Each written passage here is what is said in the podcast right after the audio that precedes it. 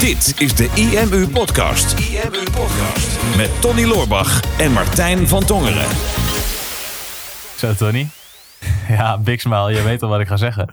Maar het is echt waar. Ja, Michelle, mijn vriendin, die is ineens echt zoveel meer fan van jou geworden. nog meer fan van mij. Nog meer fan. Snap ik. Maar Ja. waarom precies? Ja, je hebt echt, ja, waarom? Dat, dat kan alle redenen hebben. kan heel veel redenen hebben. Nee, je hebt één gouden tip gegeven.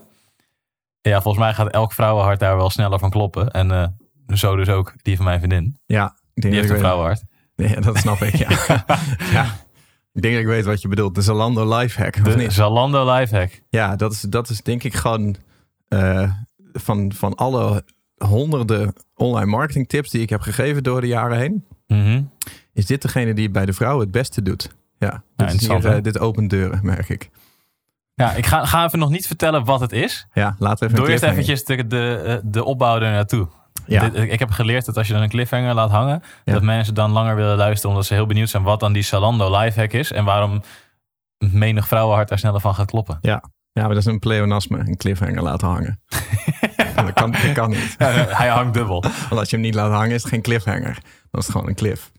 Of Ja, nee, dan, nou ja, dan is het iemand die op een berg staat. Of er vanaf gevallen is. maar niet, Niet ertussenin. Nee. Ja. Nou ja, nee, hoe kwam ik daarachter? Ik zat een tijdje geleden op Zalando.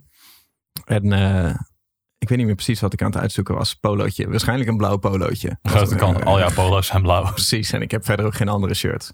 En eh, ik, had, eh, ik had iets gevonden, maar om de een of andere reden twijfelde ik nog of ik dat wilde bestellen. Of er zal iets tussen gekomen zijn. Dus ik had het in mijn winkelmandje gedaan, maar ik had niet afgerekend. Dus ik had Zalando gewoon weer weggeklikt. En daarna helemaal vergeten. En toen kreeg ik een, eh, een paar dagen later of een weekje later zo, kreeg ik een mailtje van Zalando met... ehm, eh, goed nieuws, een item in je winkelwagen is in de aanbieding. Dus volgens mij kreeg ik eerst nog een mailtje van... hey, rond je bestellingen even af. Die had Mhm. ik genegeerd, want ik denk... oké, dit is slimme marketing. Abandoned carts opvolgen van... hey, je moet je bestelling nog even afronden... want het product zit in je mandje, maar je hebt het niet gekocht. Dus die had ik genegeerd. En een weekje later kwam goed nieuws. Een item in je winkelmandje is in de aanbieding. Dus dan kreeg ik 10% korting precies op dat shirt... wat in mijn winkelmandje zat. En ja, dan ga ik nadenken. En ik denk, Mhm. menig mens doet dat waarschijnlijk niet. Die denkt, oh, ideaal, buitenkantje. Dan ga ik dat nu kopen. Want ik, had, ik was er toch al van plan om te gaan kopen. Dus wat deed jij? Jij gooide dat uit je winkelmandje, dat is anders in je winkelmandje gestopt. Ja, want ik dacht van, wacht eens even. Zalando is best wel goed in conversieoptimalisatie. Zou dit, zou dit een uitzondering zijn of zou dit standaard zijn? Dus ik heb het inderdaad uit mijn winkelmandje gehaald. En ik heb iets anders inderdaad in mijn winkelmandje gedaan. en toen heb ik een week gewacht. Eh, dus ik heb een, toen eh, iets van drie of vier dingetjes in mijn winkelmandje gedaan. En toen een week gewacht. En na een week kreeg ik inderdaad weer een mailtje met goed nieuws. Enkele artikelen in je winkelmandje zijn in de aanbieding. Daar waren ze dan niet allemaal. Maar volgens mij twee van de vier of zo was dan 10 of 12 procent korting opgekomen. Nice. En dan denk ik, ja, dat, dat kan geen toeval zijn. Dus sindsdien doe ik het heel vaak. Eh, want het werkt namelijk elke keer. Want wat Zalando gewoon heel goed begrepen heeft, is dat ehm, het menselijk brein kan niet goed omgaan met onafgeronde taken. En er waren al eh, conversieonderzoeken bekend van bijvoorbeeld bol.com en van Amazon. Dat een verlanglijstje heel goed werkt. Hè? Dus als jij bijvoorbeeld op bol.com zit en je wil een boek kopen.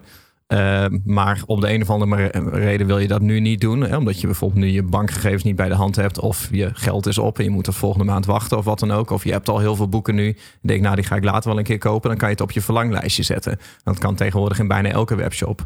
En ik dacht altijd van ja, dat is super dom. Want dan geef je mensen de keuze tussen een boek nu kopen of een gratis uitstelgedrag van ik ga het later wel kopen. Maar het blijkt mm-hmm. dat het heel erg conversieverhogend werkt, omdat je je geeft jezelf een soort van micro-commitment door te zeggen van ik wil dit hebben.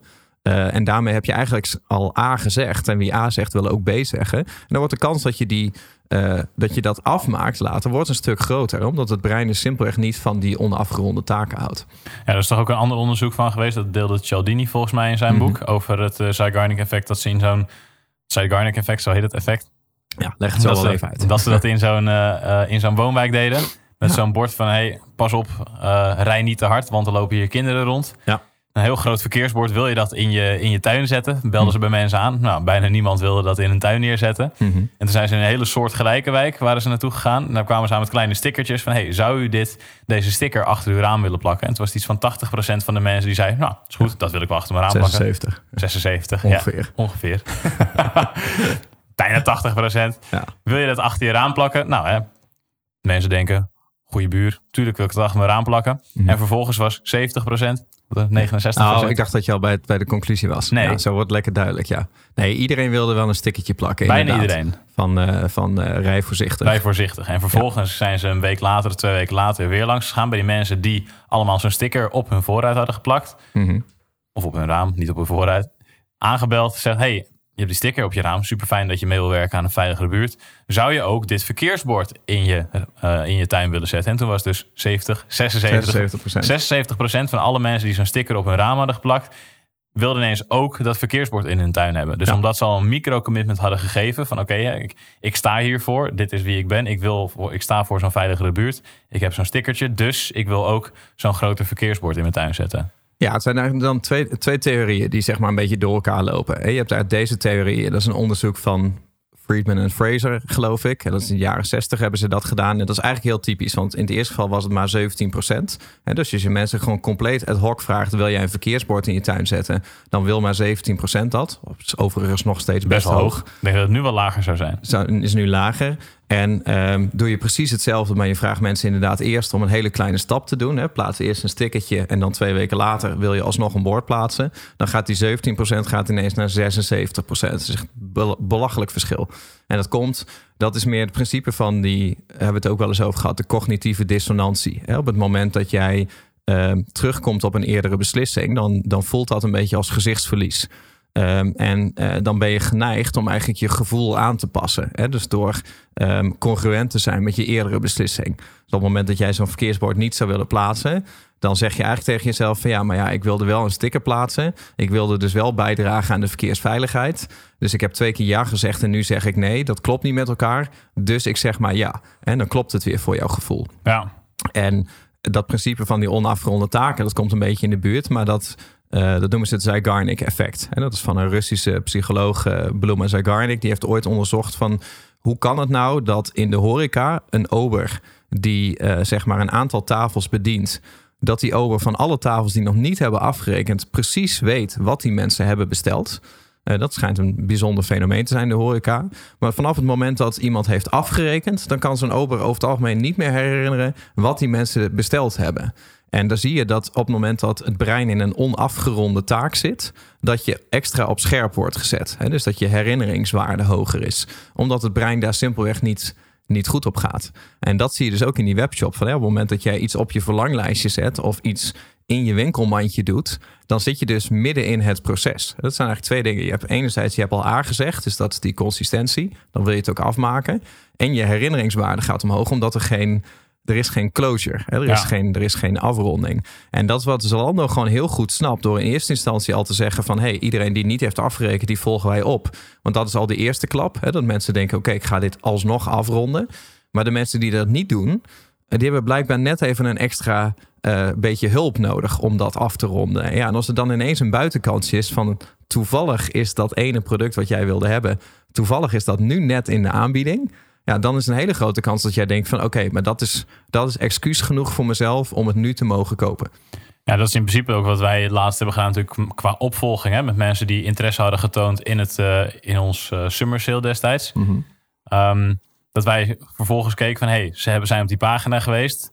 Ze hebben het niet aangeschaft, dus gaan we ze nog iets sturen. En dit was dan in deze vorm was dan wat meer informatie. Geen extra korting of iets dergelijks, want dat konden we absoluut niet nog een keer extra geven. Maar wel eens van, hey, je hebt er al naar gekeken, dus je hebt besloten dat je dit misschien interessant zou vinden. Daarom heb ik deze video voor je, want waarschijnlijk vind je die dan ook interessant. En Ja. echt iets van 40% van de mensen die die mail gekregen hadden, hebben ook die video bekeken. Dus dat was een extreem hoog percentage als je dat vergelijkt met normale mailings. Ja, klopt. Ja, gewoon inderdaad consistent aan eerder gedrag. En dat hebben wij, eh, wij zijn daar ook best wel mee bezig om hè, dat in de, eh, de advertising en in de mailings ook veel meer te segmenteren. Hè? Dat op het moment dat mensen bijvoorbeeld bij ons interesse hebben getoond in SEO, hè, omdat ze een SEO-PDF hebben gedownload, dan voorheen maakte het niet uit wat je bij ons downloadde. Dan kreeg je gewoon onze standaard autoresponder. Hè, En nu krijg je heel specifiek alleen maar informatie over SEO, omdat dat veel consistenter is aan je eerdere gedrag. Ja, we willen dus kijken naar wat voor micro-commitments kunnen we mensen laten maken, al in, in een beginfase. Omdat als mensen vaak een commitment al hebben gemaakt, dan is de kans dat ze dat daarna ook willen doen veel groter is. Ja. Dus we willen Hè, als iemand zo'n pdfje downloadt, dat is dan stap 1. Maar vervolgens willen we eigenlijk ook dat ze een SEO-video van ons bekijken. Dat is dan stap 2. Vervolgens hopen we dat ze naar een van onze SEO-podcasts uh, gaan, uh, gaan luisteren. Mhm. En vervolgens sturen we ze nog een mailtje waarin we specifiek vragen: hey, hoe gaat het met de SEO van je website? Mhm. En als ze daar dan op gereageerd hebben, dan heb je ook al een hoop contactmomenten. Maar als ze ook een aantal van die linkjes hebben aangeklikt, dan zijn ze steeds consistent met: oké, ik wil meer weten over zoekmachine-optimalisatie. Ik wil meer weten over SEO, meer weten over SEO. Mhm. En als er dan op een gegeven moment een aanbod komt waarin ze meer kunnen leren over zoekmachine-optimalisatie, maar daar iets voor moeten betalen, ja. is de kans natuurlijk veel groter dat zo'n persoon die cursus uiteindelijk aanschaft, dan Mhm. iemand die daarvoor helemaal geen interactie heeft gehad op het gebied van zoekmachine-optimalisatie. Ja, klopt. Zo, hoe vaak kan je zoek- Zoekmachine-optimalisatie. zoekmachine-optimalisatie zeggen in één zin? dit, dit zou keyword stuffing kunnen zijn. Ja, als deze podcast ooit wordt geïndexeerd in het kader van zoekmachine-optimalisatie, dan Dan worden we je heel, Google worden heel goed gevonden op het woord zoekmachine-optimalisatie. Hebben we nog meer zoekmachine-optimalisatie tips? Of misschien een zoekmachine-optimalisatie boek of een zoekmachine-optimalisatie cursus? Want het is altijd goed om je keywords een beetje te spreiden. En dat mensen na het luisteren deze, deze podcast even gaan googlen naar extra zoekmachine optimalisatie tips. Ja, dat denk ik ook, ja. ja. Dus nee, consistent zijn aan eerder gedrag. Ehm het effect, wij gebruiken dat ook eigenlijk in de kleinste vormen op, eh, op de website al. Hè. Dat, dat is alleen al bij ehm, bijvoorbeeld opt-in formulieren of aanmeldformulieren voor, voor webinars bijvoorbeeld deden we dat. Dat merkte dat op het moment dat je bijvoorbeeld een opt-in pagina hebt. Hè, mensen kunnen hun naam en e-mailadres invullen in ruil voor iets. Bijvoorbeeld bij onze gratis e-book. Mhm. Dan werkt het bij ons beter om daar niet meteen die naam en e-mailadresveld neer te zetten. Maar gewoon alleen maar een knop met Ja. hè, ontvang of gratis downloaden. En daar staat nog, in principe is het nog niet duidelijk dat je je gegevens moet gaan invullen. En zodra je klikt op gratis downloaden, dan opent er een pop-up. En dat zul je ongetwijfeld al heel vaak op websites hebben gezien. Dan staat er zo'n grote statusbalk bovenin met je bent er bijna en dan ben je op 50%. Het balkje is half vol. Dus dat gevoel van je zit halverwege een taak, je zit in een onafgeronde modus, dat wordt ook nog eens even visueel versterkt van hé, hey, je moet nu even door.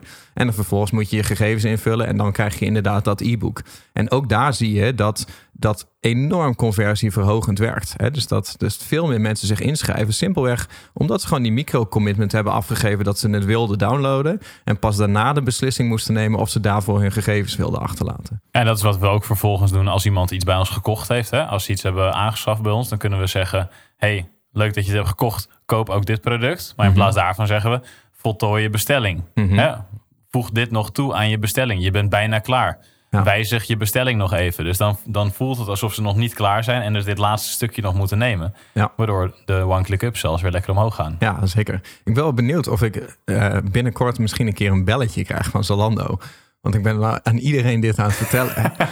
en het kan niet anders dan dat zij op een gegeven moment in de statistieken gaan zien van... hé, hey, er wordt steeds meer gebruik gemaakt van, dat, van, dat, van die techniek van eh, de aanbieding na een week. Dus het werkt supergoed voor ons. We moeten dat veel meer gaan doen. Want heel veel mensen kopen op dat moment. Maar dat, dat is, is alleen maar zo omdat ik tegen iedereen zeg dat ze een week moeten wachten met afrekenen. Ja, maar ik denk, denk toch dat ze sneller zullen sturen op de cijfers dan sturen op Tony Lowach. Jawel, maar hun cijfers zijn dus verkapt. Want Ja. als ik het niet tegen mensen zou zeggen, dan zou iedereen meteen afrekenen. Ja, maar, nu wat, wacht wat, denk je wat er gebeurt? Als jij het tegen één vrouw zegt, hoeveel vriendinnen heeft de gemiddelde vrouw?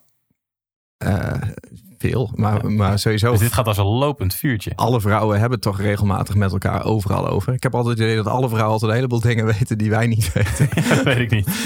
Zie je, daar ga je. ja, dus dat gaat heel snel.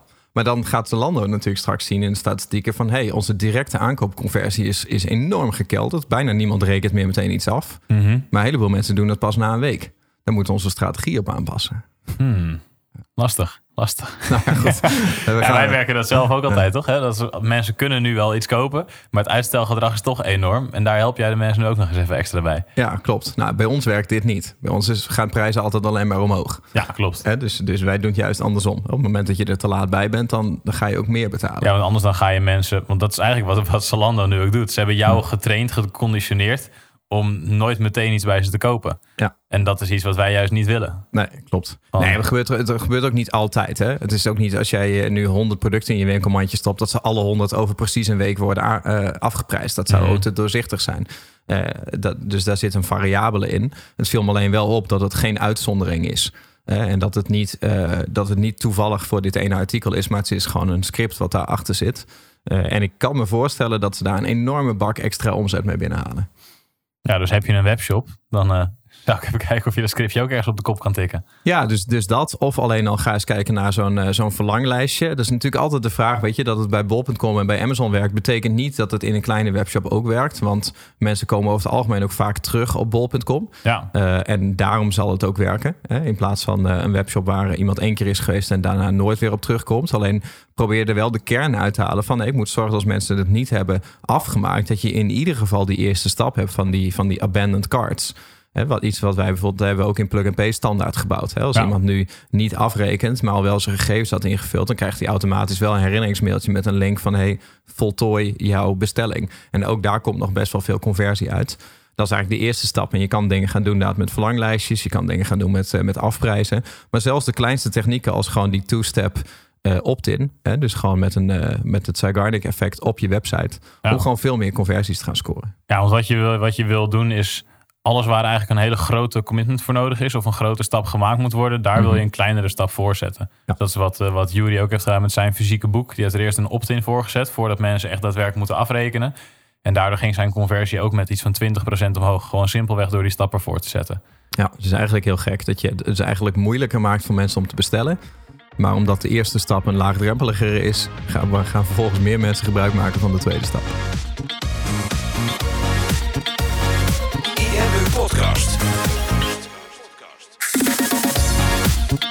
Super tof dat je hebt geluisterd naar de IMU podcast. Ik hoop dat je dit waardevol vond en dat je er inzichten uit hebt kunnen halen voor jezelf en voor je eigen business. Vond je dit nou een waardevolle podcast, dan zouden Tony en ik het heel erg waarderen als je dat zou willen delen. Enerzijds door dat bijvoorbeeld te delen via je eigen Instagram of via LinkedIn. Door een screenshot te maken van je telefoonscherm en ons er even in te taggen. Maar wat we nog meer zouden waarderen is als je de tijd en moeite zou willen nemen om een review achter te laten. Werk je met een Apple-telefoon, dan kan je dat doen binnen je eigen podcast-app door daar een review te geven. Geef ons een x aantal sterren met daarbij een korte motivatie wat je van onze podcast vindt. Zouden we echt enorm waarderen als je die tijd zou willen nemen. En werk je met een Android-telefoon, dan zie je dat, daar, eh, dat de meeste apps geen review-mogelijkheid hebben. Wat we dan heel erg zouden waarderen is als je op Google IMU zou willen intypen en vervolgens via de Google Review-sectie iets zou willen vertellen over de IMU, wat je van ons vindt en wat je aan onze podcast hebt gehad. Alvast heel erg bedankt en ik hoop natuurlijk dat we je volgende week weer mogen verblijden met een volgende aflevering van de IMU Podcast.